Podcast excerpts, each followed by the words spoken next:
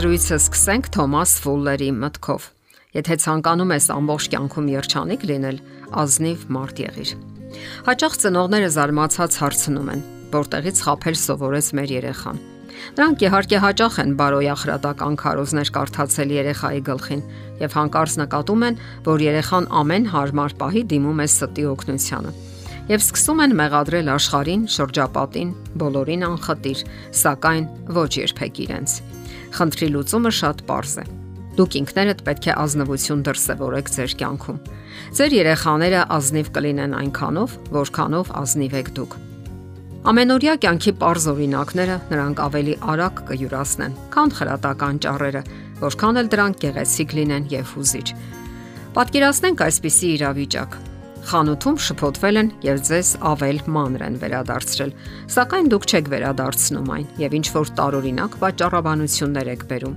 Օրինակ, տե խանութի տերերը մեզ անընդհատ խափում են։ Նրանք չունեն այս չնչին գումարների կարիքը։ Կամ դե ես շատ եմ շտապում, չեմ կարող հետ վերադառնալ։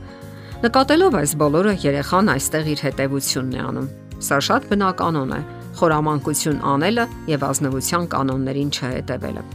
իսկ որքան այսպիսի դասեր են ստանում երեխաները։ Ահա թե ինչու ծնողները պետք է գիտակցեն, որ մանրուքներ չկան։ Փոքր ստերը եւ կեղծիկները մի օր կվերածվեն մեծերի։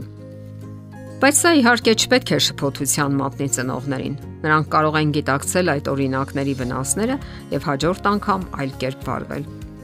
Կարող են ասել. Ես երբեմն վերցրել եմ այն, ինչը ինձ չի պատկանում Այժմ կգնենք խանութից։ Ես կվճարեմ այն բոլորի համար, որ վերցրել եմ։ Գուցե անսովոր է հնչում։ Իհարկե, սակայն սա է միակ ճիշտ ուղին։ Մեկ այլ պահ, եթե երեխան բավականաչափ հասուն է, կարող եք նրան ասել. Ներիր ինձ, որ անznական օրինակով անազնվություն եմ սովորեցրել քեզ։ Երեխաները հնարավոր է ապշեն զարմանքից, սակայն այս նոր օրինակը կամ դասը շատ ավելի ազդեցիկ կլինի եւ նրանք երբեք չեն մոռանա դա։ Իսկ եթե դուք շարունակեք անազնիվ վարվել, սակայն բարի ճառեր կարդակ, դա պարզապես կեղծավորություն կլինի, որին երեխաները երբեք չեն հավատա եւ չեն հետևի։ Շարունակեք ազնվություն սերմանել երեխաների սրտում։ Անznական օրինակով ցույց տվեք, որ հարգում եք երկրի օրենքները։ Օրինակ բերեք նրանց առօրյա կյանքից, մեծ մարդկանց կյանքից, եւ հատկապես Աստվածաշնչից։ Բացատրեք, թե ինչ հետևանքներ կունենա ազնիվ կամ անազնիվ կյանքը։ Թող երեխաներն իրենք մտորեն այդ բոլորի պատճառների ու հետևանքների մասին։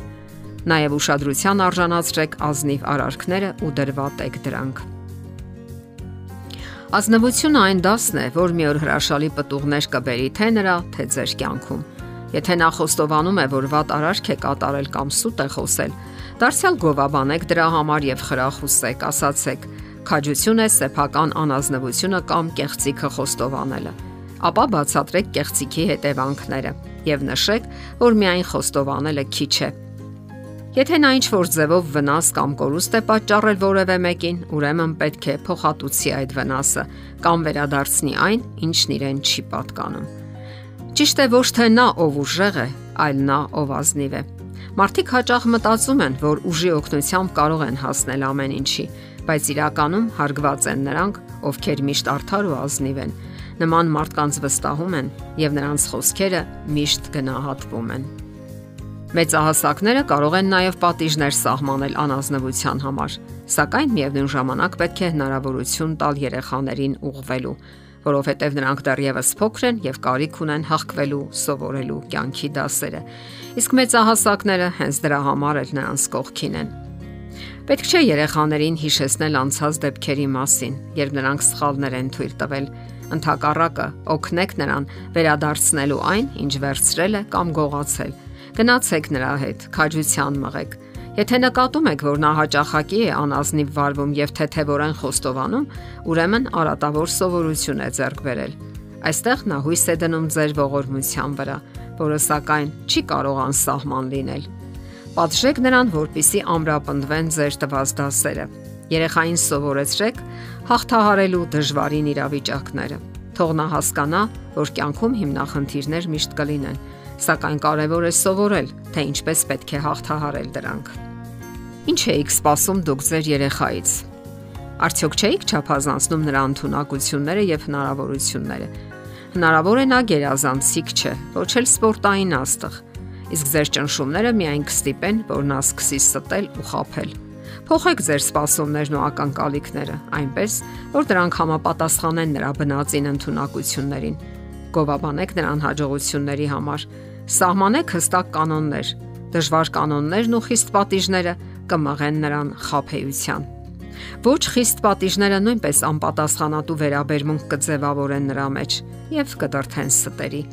Հարկավոր է նաև պահպանել երեխայի արժանապատվությունը, սակայն միևնույն ժամանակ թույլ չտալ, որ նա անպատասխանատու մեծանա եւ խուսափի իր արարքների հետևանքները կրելուց։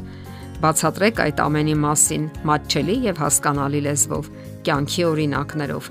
Կարող եք ասել, որ մեզ նույնպես ներում են, եթե ժամանակին հետ ենք կանգնում։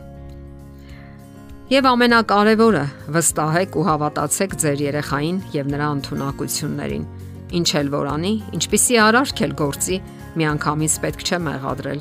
Մոտեցեք ու parzabanեք, թե ինչ է արել, ինչու։